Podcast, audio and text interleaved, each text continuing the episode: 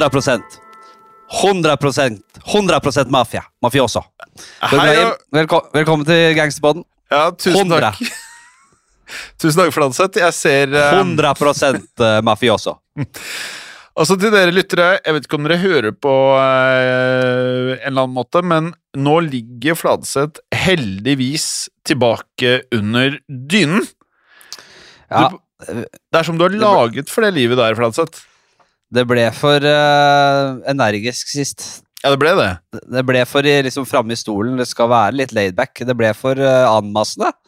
Så nå er, jeg, nå er jeg rett og slett eh, helt nedi puta her. Jeg ser du har skifta sengetrekk også. Jeg, jeg ligger jo praktisk talt altså, Nei, jeg er jeg, Ja, jeg ligger og slapper av. Ja, du Og gjør så det. koser meg med en herlig, herlig, herlig gam, he, haugammal gangster. Og rut, skikkelig rutinert gangster. En ting som du mafiamann. eh, prøver å få meg på, Fladseth, det er jo eh, intermittent fasting. Jeg ser jo at du har blitt eh, slankere i ansiktet her. Ja, nei, det, slanking er nå én ting, men eh, nei, det, det, fasting er ikke- det, er ikke, det er ikke dårlig. Verken for på, gamle påsan eller tarmene eller eh, huet eller noe som helst. Nei, jeg, Det er nesten så det ikke er noe igjen av deg. Eh, så det er tydelig at man raser mer i vekt, da. Ja, raser litt ned i vekt òg. Det er nå greit. Ja da. Ja. Nei, men det er eh, Og du har det fint, Tim? Ja, men det er bra.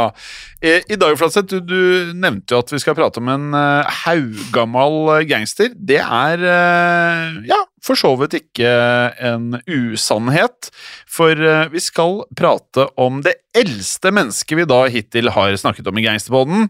For vi skal prate om Sonny Francese, eller Francese, som i eh, 2017 ble løslatt i en alder av pene 100 år. Det er ikke dårlig. Han har fasta mye, vet du. Han har fasta mye Fladseth. Og når du er 100 i den der gangsterverden, da har du overlevd eh, attentater, vil jeg tro. Du har overlevd eh, en ganske usunn livsstil. Vi vet jo at de likte å både drikke og være oppe sene kvelder. Eh, og du har også overlevd fengselet. Eh, og denne Sonny Francese, han var Han, eh, han, la, ja. han, han holdt lab, de gamle labbene sine unna pastaformene, vet du. I tide og utide.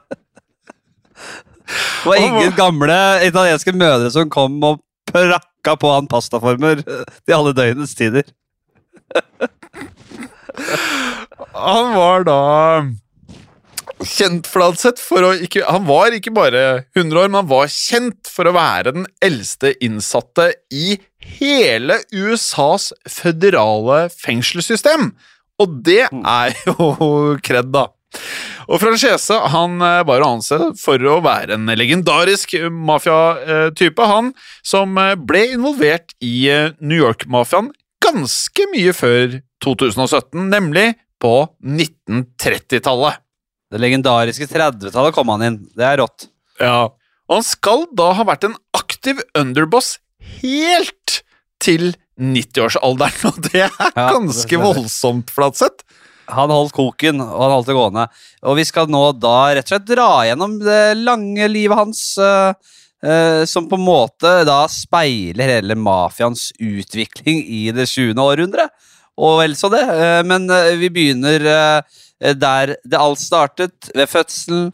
Hans fødenavn var John Francese, og han ble født i Napoli eh, i, i, i Italia, åpenbart, eh, 6. februar 1917. Rett etter andre verdenskrig, nei, første verdenskrig.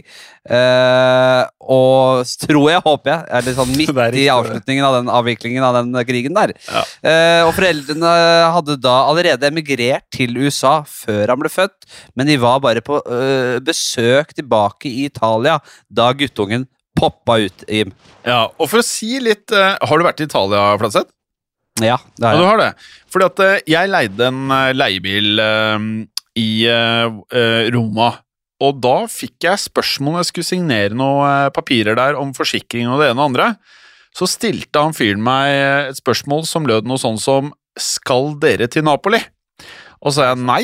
Og så sa han ja, det er bra. Hvis ikke så hadde forsikringen blitt ganske mye dyrere. Sier du det er såpass, ja? Ja, ja. Så Napoli, der, der skjer det både det ene og det andre. Eh, tilbake til historien, Flatseth. For eh, etter seks måneder så reiste foreldrene og den gang lille John til deres hjem i Greenpoint, Brooklyn, der faren hans drev et bakeri. Og moren hun begynte å kalle John for Sonny fra en ung alder, og han brukte dette navnet livet ut, som han da har forstått det i starten her. Og vi skal Hey, hey, Sonny! You little bastard! Come down here! It's dinner! Nå gir den null. Og vi skal da også referere til Sonny som Sonny videre i episoden, bare for å ha klarert det. Ja, Sonny han vokste opp i Brooklyn da, som sagt, på 1930-tallet, og eh, han lot seg da lokke til å jobbe for mafiaen eh, ganske tidlig, i likhet med mange andre unge menn i det italienske miljøet der borte. Eh, og dette har vi vært innom flere ganger i Gangsterpodden. Og New York-mafiaen besto da selvfølgelig av fem familier, styrt av ett felles organ, nemlig The Commission, og en av familiene var Profacci-familien, ledet av bossen Joe Profacci. Og i løpet av 1930-tallet så ble Sonny en lojal voldsutøver. eh, eller eh, drev vel med det meste, men han ble en, eh, en lojal tjener da, for denne familien. familien. Og under annen verdenskrig så ble da Sonny såkalt i gåstein eh, drafted. Det vil da si at eh, man rett og slett ble innkalt til den amerikanske hæren. Eh, men hele denne affæren her ble heller et kort opphold. For ifølge militæret så var Sonny og nå eh, kvoterer jeg her eh, A psychoneurotic with pronounced homicidal tendencies. Eh, og med det så ble han da kastet ut av hæren og vendte videre tilbake til det ja, allerede kriminelle livet han hadde. Ja. Og så må det nevnes at uh, Sonny han var ikke en liten tass. Han var, uh, han var svær Han var, uh, Han var stor i kroppen. Ja, han var Stor i muskuløs, kroppen. Han var kraftig bygd, og han uh, hadde rett og slett et truende oppsyn. Han så faen ikke ut. Eller han var, sku, han var skummel! Han var rett og slett Jeg føler ikke helt at han intermittent fasta, altså. Nei, det er mulig eh, Det handler jo om å bare ja, Nei, vi skal ikke gå inn på det. Han, han var da uansett ikke Han var ikke redd heller for å bruke vold, da, for, eh, for de som uh, yppet til bråk. Altså, dette var jo kvaliteter da som gjorde han verdifull for Profacci-familien. Uh, Sonny var en såkalt top earner. Han, en av de som brakte inn mest penger, rett og slett. Og han, klart, han klatret fort opp på rangstigen. Det var, det var vel sånn at eh, mafiaen var som skapt for, eh, for vår mann, eh, Jim. Ja, og det vi merker er at mange av de eh, som vi prater om, som vi trekker frem her, det er jo karer som man aller høyeste grad liksom bare føles som de var skapt for å leve dette livet.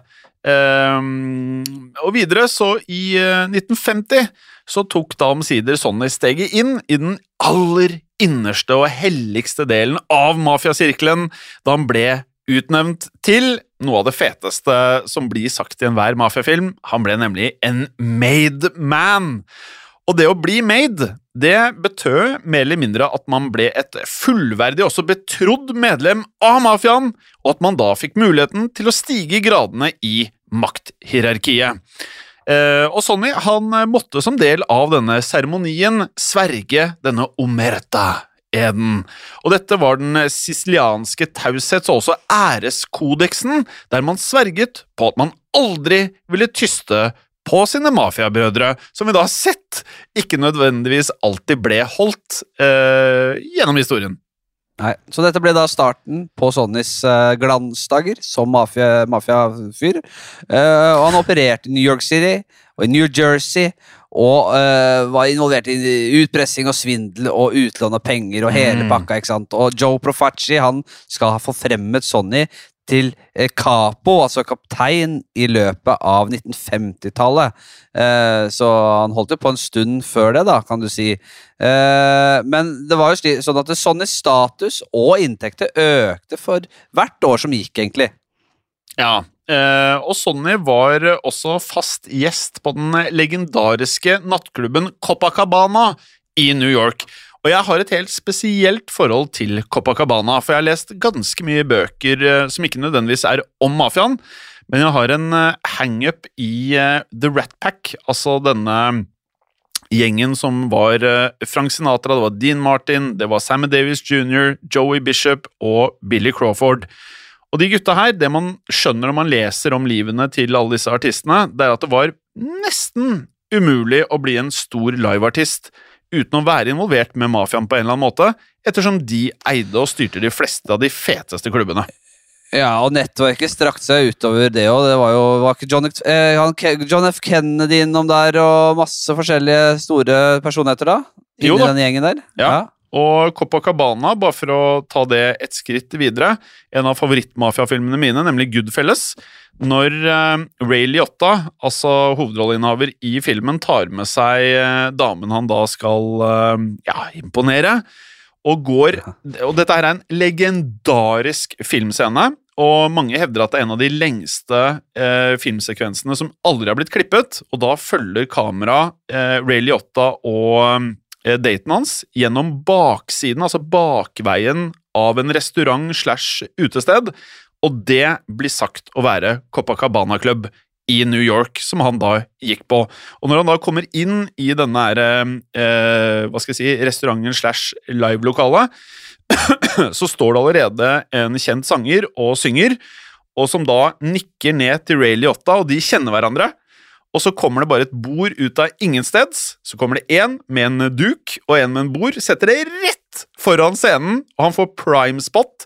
Dayton setter seg ned, Ray Liotta setter seg ned, eh, og han hilser på nabobordene, som bare er mafiafolk. Og på scenen står en av de mest eh, kjente sangerne. Jeg mener det er Frankie Valli. Eh, og alle kjenner hverandre. Og dette er et godt eksempel på Drev du med live back in the days, så kjente du mafiafolk. Man eh, snakker jo ofte om eh, hvor vil du reise til tidsmaskinen og bla, bla, bla. Det hadde ikke vært så halvgærent å få tatt en liten tur innom der. Sjekka hvordan eh, den stemninga var. ja, jeg skulle veldig gjerne sett Dean Martin og Og Herregud. Det var en fet tid, det kan man si. Bare to sekk for sett. Det er helt sjukt Ja, ja, men, ja, men lytterne, lytterne venter ikke på dette, Jim. Dette Ja, får du bare bite i det sure eplet og komme deg videre. Du. Eh, eh, vent, da. Jeg må ha det Flatseth. Ah, bare to sekunder. Hva heter han, da? Herregud, der vet jeg! Han dette er heter dårlig podcast. Dette er dårlig podkast. Dette er dårlig podcast. Du Altså. prøver å holde liv i sekvensen, ja! Jeg liker Ja, det. Jeg har ikke gitt meg. Ja, Dette vi skal- er, vi ruller, vi. Vi Ja, vi ruller. Okay, ok, ok, ok, Det- ok. Lytterne venter. Vi har rulla hele veien. Eh, ja, da får jeg bare si det når, vi, når jeg kommer på det. Men uansett, makkeren hans, og dette her er jo eh, interessant for deg, Flatseth, det er jo at Dean Martin og um, den jeg nå har glemt navnet på, de var det største live-acten i USA, som jeg formoder da også blir den største live-acten i verden, med det som kan kalles et eh, standup-show.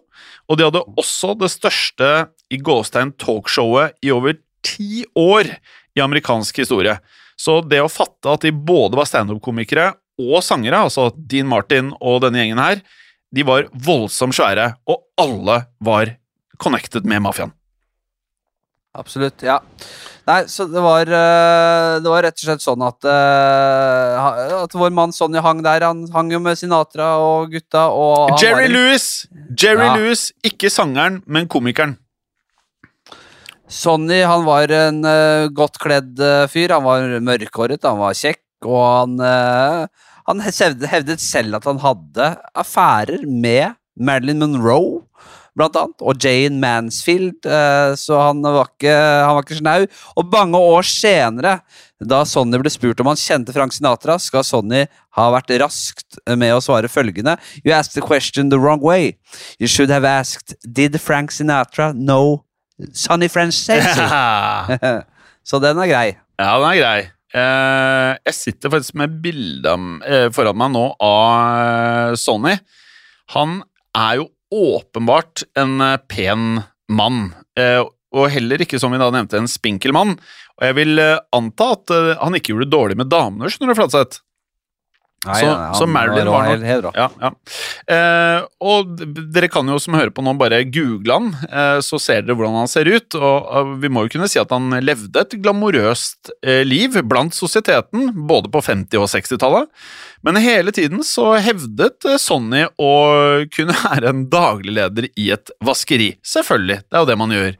Og når det da gjaldt hans eh, virkelige forretninger, da, altså denne organiserte kriminelle hverdagen, så var ikke Sonny redd på noen som helst måte for å bli skitten på hendene. Tvert imot, faktisk. Han er faktisk blitt koblet til eh, utallige drap relatert til mafia. Eh, og han har selv skrytt også av å ha drept flere dusin folk. Eh, og det er da vanskelig å fastslå et tall, som det er i denne podkasten her. Det eksisterer sikkert ikke et tall noe som helst sted, Kanskje husker han ikke sjæl hvor mange han har drept. Men et rettsdokument har estimert antallet som Sonny sto for, og tatt av dage for et sted mellom 30 og 50 mennesker. Kanskje er det det dobbelte. Ja, nettopp det. For jeg liker når folk i dag bruker sånn uh, måleenheter som dusin og sånn. Dusin, som om det er et konkret greie. Men, men, det kom, dusin, ja, det, det, det, kunne være hva som helst for meg! Jeg vet faen! men jeg tror Ja, det er fordi så- man i USA ofte sier a dozen. Så jeg tror Ja. det er der det kommer fra når vi prater om disse mafiafolka. At a dozen A handful eller dozen people. Han cappa rundt 50 mennesker, og ve og sikkert vel så det òg. Ja, så vel så det, ja. Statistikken er eh, riktig. Sonny han hadde en helt spesiell metode han, for å kvitte seg med lik på. Uh, noe vi skal komme tilbake til. Men la oss først se på et av drapene Sonny ble linket til. Den 24. august 1964 skriver vi da, og det Mm. ble fisket opp et lik i Jamaica Bay i Queens. En mann var blitt skutt og knivstukket flere ganger, deretter bundet på hendene og slengt i havet. Klassisk mafiaopplegg. Uh, og, og da også med to betongblokker festet i beina, selvfølgelig, så han skal synke. Og offeret for det brutale drapet ble identifisert som Ernest Rupolo. Mm. Og Rupolo, han eh, Rupolo. Ja, Rupolo, han, han, han var vel mer eller mindre en eks-mafia, han. eh, Som i 34, altså 1934 hadde vært med på attentatet mot Ferdinand Boccia. Eh, som vi har forstått er bare en lavere rangert eh, mafia- mafiamedlem. Og Boccia han eh, ble da skutt og drept i en eh, kafé etter en gamblingkrangel med den senere mafiabossen, en vi har hørt om mange ganger i denne podkasten, nemlig Vito Genovese. Og ti år senere, 1944, så ble Genovese da siktet for nettopp dette drapet. Og Rupolo han valgte da å vitne for aktoratet mot Genovese, som ikke nødvendigvis er det lureste man gjør. Nei, han burde ikke gjort det, han uh, Rupolo for uh, Vito Genovese. Han glemte aldri dette sviket, og i 1964, altså 20 år senere, så ble altså Rupolo dumpet og myrdet i Jamaica Bay, og sporet ledet mot ingen ringere enn Sonny Francese, selvfølgelig. Og man antok at Sonny hadde utført drapet som en vennetjeneste for, uh, Mm. for, for Vito, for Genovese, som da var, hadde blitt da bossen i Genovese-familien, og faktisk da, eller som vi vet, den mektigste bossen i The Commission. I, Det å ta folk av dage, Fladseth, som en vennetjeneste, da, da har du et litt annet liv enn vårs. ja, det er klart du har det, Du gjentar det der til uh, kjedsommelighet, Ja, men men, det uh, bare vi lever ikke et spennende liv, nei. Det Ja, stemmer. det er Gni det inn. Jeg, jeg, ja, jeg, gle jeg glemmer det før du sier det. Men eh, ja, nei, bare liksom Jo mer eh, syke ting vi prater om i denne podkasten, jo mer kom, Altså, jo større er kontrastene til vårt eget liv. Uansett, Sonny han eh, var med andre ord på godfot med vi har nevnt det før, The Boss of All Bosses, Vito Genovese. Og selv var jo da Sonny eh, på dette tidspunktet blitt forfremmet til Underboss, og ting så egentlig ganske fint ut for Sonnys fremtid. Ehm, og det ble ikke funnet noen sånn sikre bevis på at eh, Sonny sto bak drapet på Ruppelo, og Sonny slapp derfor unna enhver form for tiltale. Men bare noen få år senere skulle lykken da snu for Sonny Franchesi, eh, og hans lojalitet til sine mafiabrødre ble da stilt på en eh, alvorlig prøve, som det ofte gjør i dette miljøet. Dette skal du få høre mer om etter en kort pause.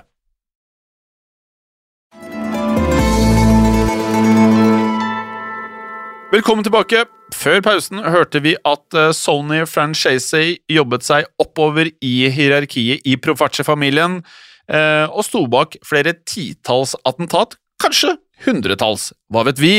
Eh, men hver gang kom han seg da unna lovens lange arm, som også er veldig vanlig i denne podkasten, hører vi. Men fra 1964 så skulle dette da endre seg. Ja, det skulle det, for både føderale og lokale myndigheter i New York satte inn nå eh, store ressurser for å stanse organisert kriminalitet. Eh, og offensiven mot Sonny, vår mann i dag, den startet i 1964, da en granskningskommisjon tvang han til å møte i retten for å svare på anklager om trusler og utpressing og, det greiene der. Men Sonny han sto imot, og han påberopte seg retten til å eh, remain silent i Ja, ja, ja. ja, da- hele 18 ganger. Det er ikke lite, Fladseth. Nei, det er ikke det. Um, men både anklagene og så var det noen fotografier av Sonny som eh, omsider ble da trykket i pressen. Eh, dette gjorde jo da at det, det ble et søkelys rettet mot Sonny i de årene som da fulgte etter dette. Og i 1966 så ble det rettet eh, to nye siktelser mot han også. Og den første av disse var knyttet til hans rolle som utpresser og da i gåstegn muskelmann, altså muscle man, i eh, mafiaens eh, lånehai og da også gamblingvirksomhet. Og like etter så ble Sonny pekt ut som hjernen bak en serie av bankran i New York, der 65 000 dollar var blitt stjålet. og Det tilsvarer ca. 5 mill. norske kroner i dag. Men ikke nok med det. Sonny ble også siktet for å ha stått bak et juvelran i Miami. Og det var eh, andre boller. Altså, det var et eh, utbytte til en verdi av 147 millioner kroner i dag. Det er meget. Så han var, ja, han var ute og han, han, han var på jobb. Han var på jobb. Han var på jobb. Eh, og bossene i The Five Families de eh, var ikke særlig fornøyde med oppmerksomheten rundt eh, Sonny. Som vi vet, mafiaen likte ikke oppmerksomhet. Um, publisitet var rett og slett dårlig business, men det jeg ofte har tenkt på, Flatseth, de liker jo å bli portrettert med flotte klær, men samtidig så liker de ikke ehm, oppmerksomheten, så det er sånn Ja da, det er litt to- todelt. ja da, ja da. Ja da. Eh, september samme år, altså 1966, så møttes 13 høyt rangerte mafiamedlemmer i kjelleren på en restaurant i Queens. Og formålet her var da rett og slett å diskutere hva de skulle gjøre med den beryktede Sonny Franchise. Og vi har, eh, Fladseth, i denne podkasten pratet om møtet i Appalachian. Eh, Det pressen nå gjorde, det var at de omtalte dette møtet som Little Appalachian, som en referanse da til dette toppmøtet som vi har diskutert tidligere, i 1957 i Appalachian. Uh, ja, Ja, sjekk ut den tidligere episoden er der. fin. Men, er fin. ja da. Men øh, hva som kom ut av dette møtet i kjelleren, er faktisk ukjent. Det vi derimot vet, er at Sonny han kjempet for livet i rettssalen i flere år. Men i 1967 så var spillet over. Rett og slett, Sonny ble dømt til 50 års fengsel for sin ledende rolle i de nevnte ranene. Men Sonny lot seg ikke knekke av dette, Uh, og det ville jo mange, mange menn gjort. Som oss. Uh, uh, ja, som oss. Men da dommeren leste opp eh, dommen, så skal Sonja angivelig ha sagt You watch, I'm gonna do the whole 50. Oh, shit. Eh, det hadde ikke jeg sagt. Uansett, FBI-direktøren, nemlig J. Edgar Hoover, han rangerte dommen mot Sonny som en av sine aller største triumfer. Året 1967 var faktisk et svært godt år for FBI, Fladseth, for hele 121 medlemmer av mafiaen ble dømt og også sendt i fengsel i 67. Ja. Mens eh, Sonny satt i fengselet, så styrte nevøen hans, Salvatore Franchese, Sonnys territorier og hans gamblingnettverk. Og Sonnys eldste sønn, John Francese jr. Eh, jeg syns alltid det er sjukt at folk kaller sønnen sin bare for junior, eh, men i mafiaen så er det greit. det. De er det er helt, eh, ja, der er det greit. Eh, han var da altså, Han var ikke egnet for den rollen, rett og slett. Han var, han var narkis. Dopmisbruker. Og han var en skuffelse for faren sin. Eh, og, og faren han eh, hadde håpet da rett og slett at eh, sønnen skulle bli en like nådeløs mafiafyr som han selv. Så denne dårlige relasjonen skulle få konsekvenser senere, rett og slett. Det kommer vi tilbake til. For Sonny, han, han holdt seg aktiv som en del av mafiaen, selv om han da satt bak lås og slå. Men han vendte da oppmerksomheten sin mot underholdningsindustrien. Heller ikke nytt for mafiaen, som vi vet. Og i 1967 da, så startet han to plateselskaper, nemlig eh, Jeg er usikker på om man skal si det Salla eller Kalla, men det skrives C-A-L-L-A, Kalla Records og Buddha Records, som han da brukte til å hvitvaske store mengder med penger. Og I tillegg så investerte han penger i to eh, jeg vil jo kalle det svært kjente filmer. Eh, Jeg vet ikke om du har sett disse, Flatseth, men eh, den første var jo da en film som het Deep Throat fra 1972. Som da er noe så kuriøst som tidenes mest innbringende porrfilm! Altså den, Ja. ja, den viktigste pornofilmen kan vi jo nesten kalle det.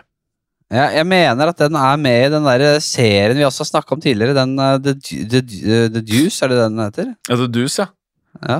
Jeg lurer på At det. den uh, filmen blir Den er kjent. Den, den er, den er jævla kjent porr, i hvert fall. Det Ja, kan vi men si. For de som ikke vet hva Deep Throat er en referanse til, eh, kan du forklare det, Flatseth? Nei, det er når uh, man suger en penis noe voldsomt.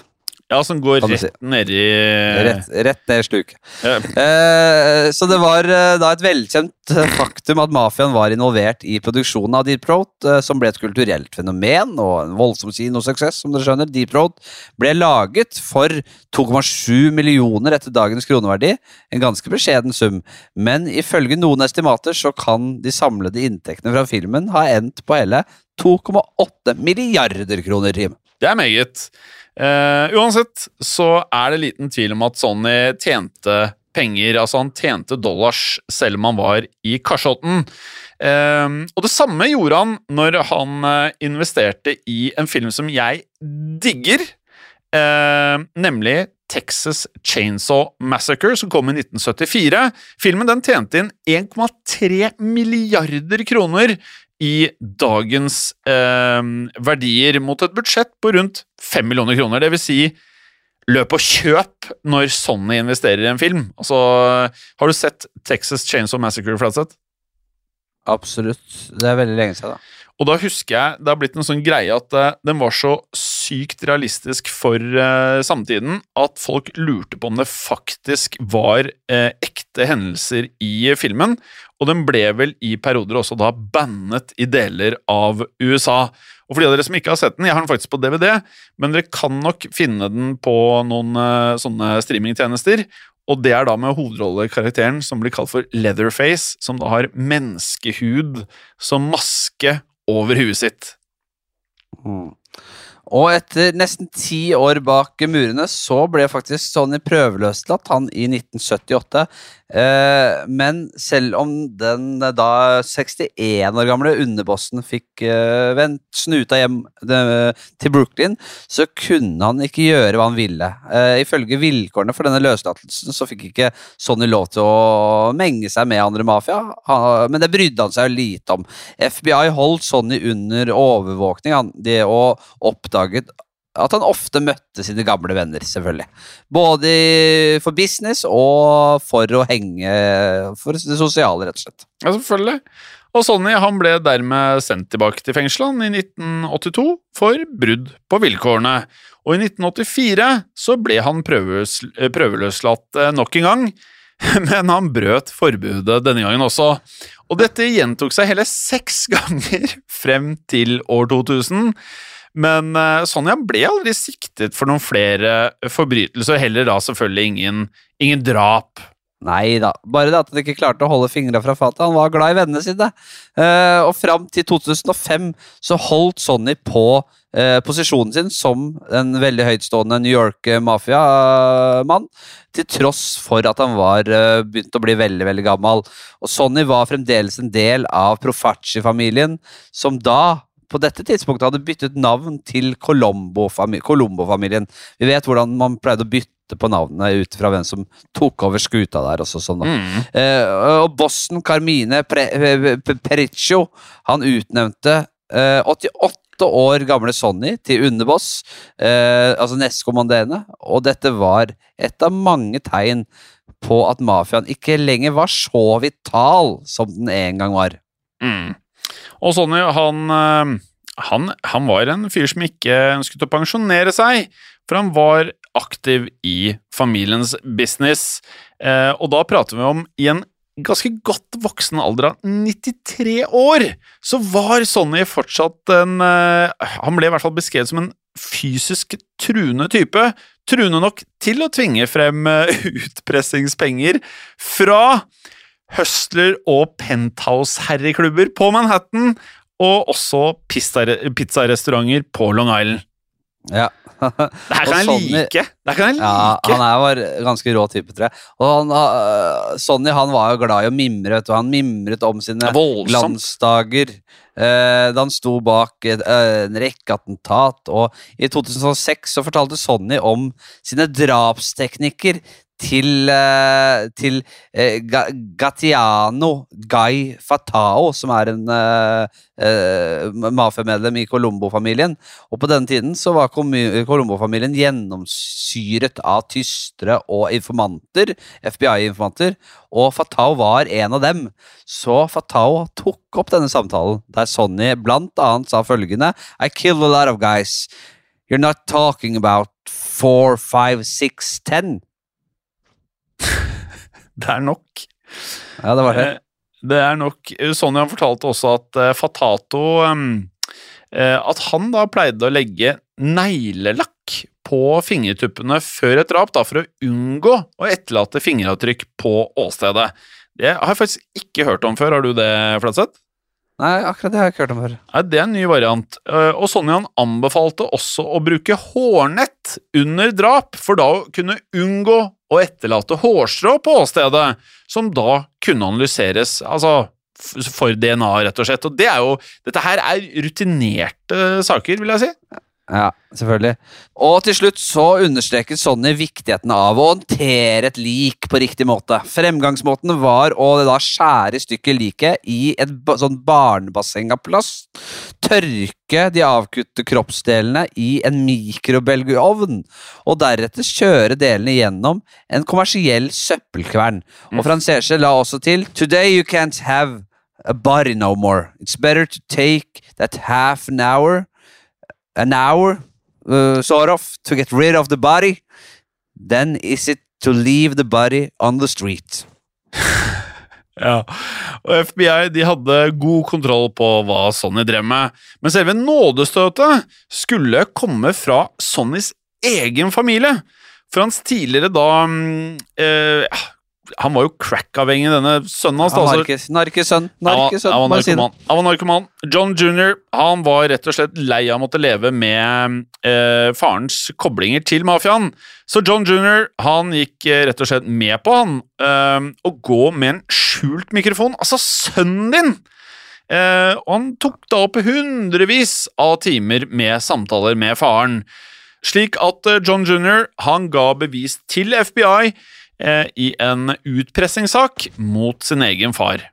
Mm. Og Sonnys andre kone, Christina, Christina eh, forsvarte da John Juniors handlinger, og hun uttalte at uh, han vitner ikke mot faren sin, han vitner mot livet i mafiaen.